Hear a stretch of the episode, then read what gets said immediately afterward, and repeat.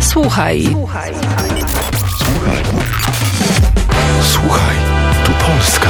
Odkrywaj Polskę razem z nami. Historia trwa. Najlepsze przed nami. Tu Polska.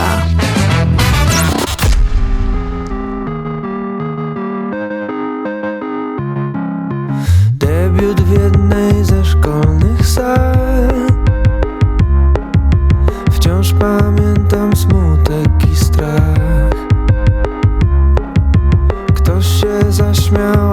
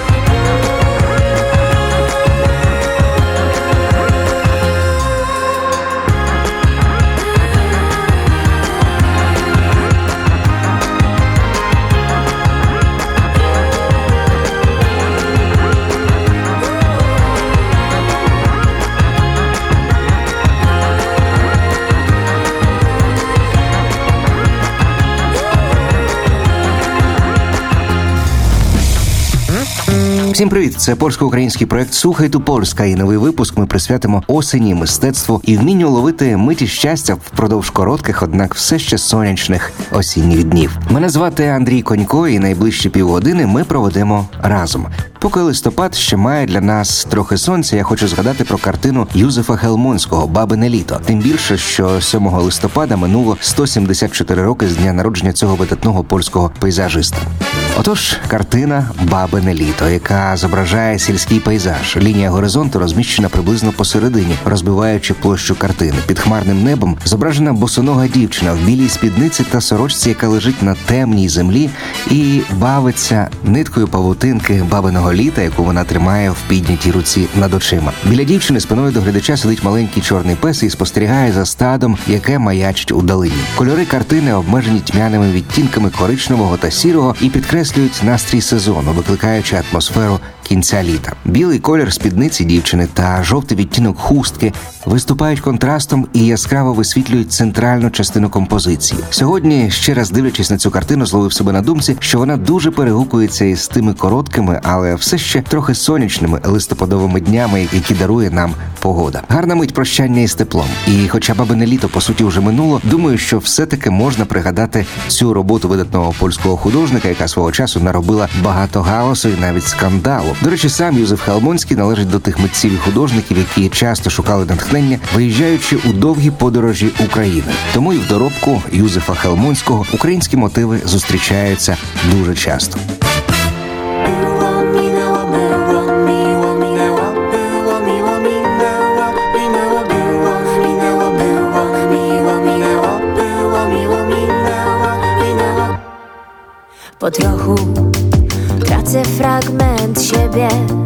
Za każdym razem, kiedy jestem z tobą razem. Padam z nóg.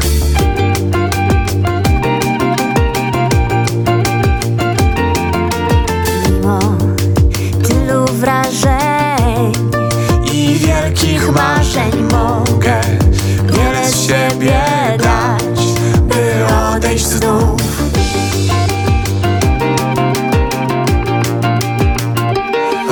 Just.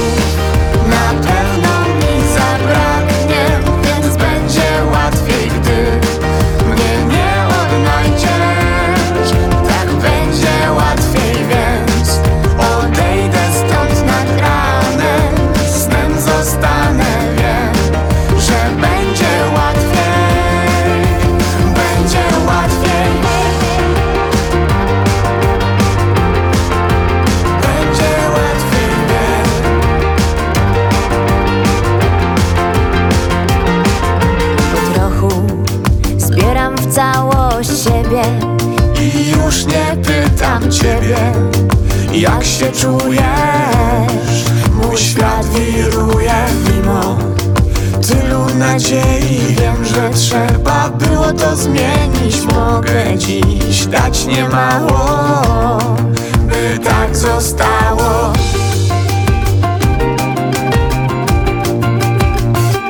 Wiem, że słów na pewno mi zabraknie,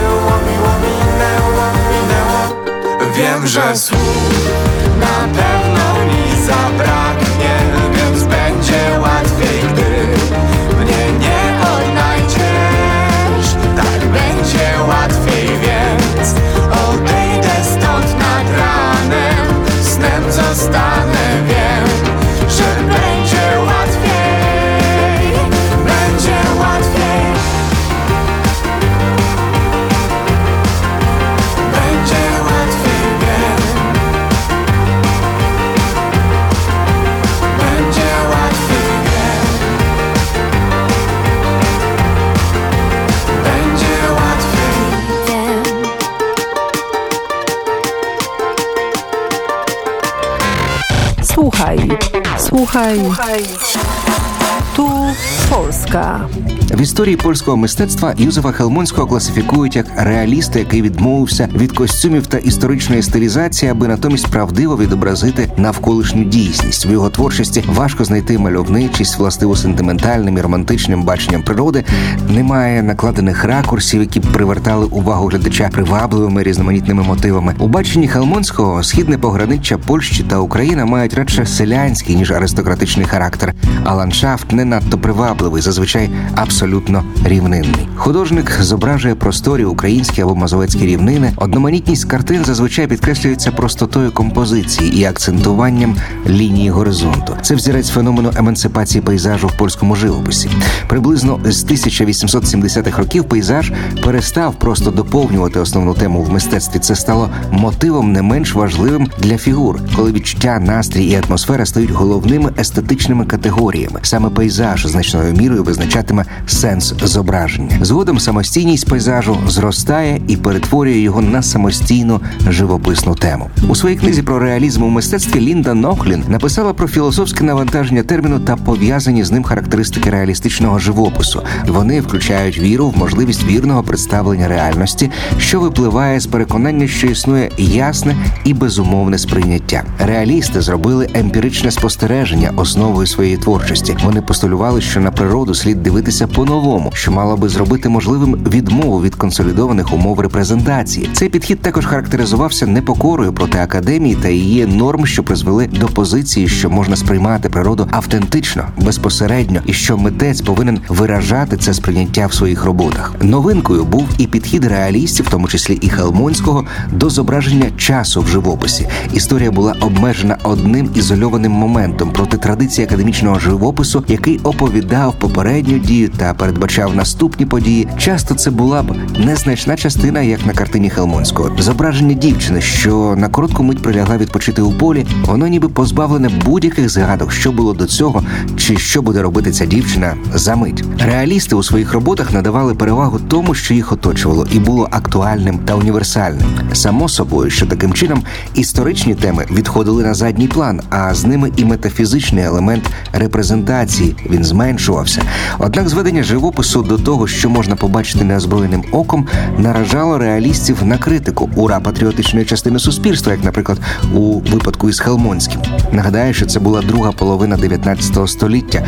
Це був час, коли Річ Посполита майже на 100 років припинила існування на картах Європи і була розділена між трьома імперіями. Це сьогодні ми вже знаємо, що у 1918 році Польща знову відновила свою незалежність. А тоді це було невідомо. Тому запит у польського народу на картини із сюжетами-символами був об'єктивно доволі високим. Разом із тим, Хелмонський став живописцем селянства і використовував сцени з їх повсякденного життя в своїй роботі, на відміну від французького реалізму, який був надзвичайно критичним і соціально ангажованим, як у випадку із Юставом Курбе, польські реалісти не поєднували спостереження за нижчими класами з постулатами покращення їхнього життя. Це стосувалося і Хелмонського, якого цікавив здебільшого зв'язок між селянським життям і ритмами природи. Парадоксально, однак, згадана істина випливала не з натури чи з зображеної дійсності, а від майстерності художника. Він не був рабом природи, зобов'язаним правдиво зображувати її художніми засобами, але художник мав використовувати свої навики таким чином, щоб справляти враження прямого контакту глядача з природою. Tak jak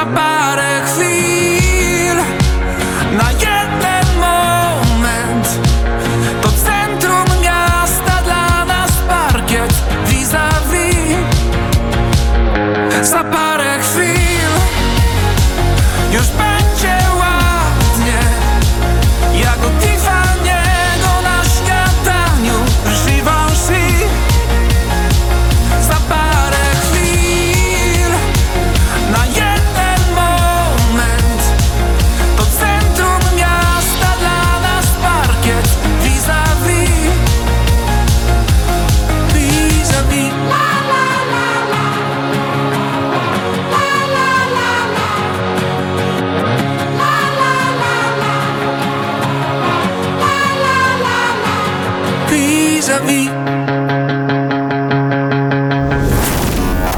Słuchaj, Polska.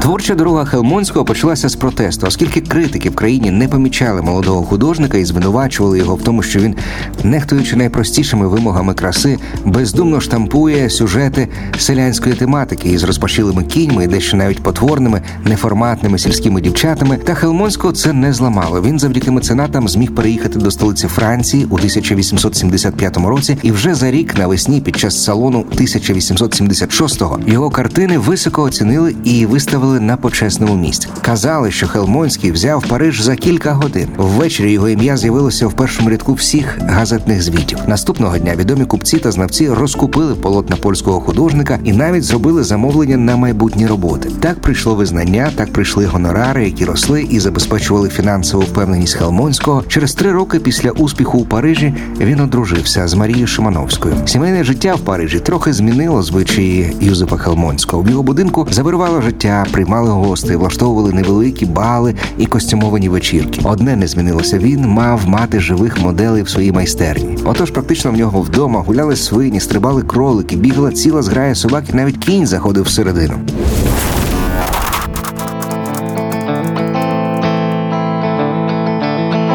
Wciąż powtarzasz uparcie i skrycie Patrzysz w o, o, okno i smutek masz w oku. Przecież mnie e, e, e, kochasz nad życie. Sami mówiłeś przeszłego roku. Przeszłego roku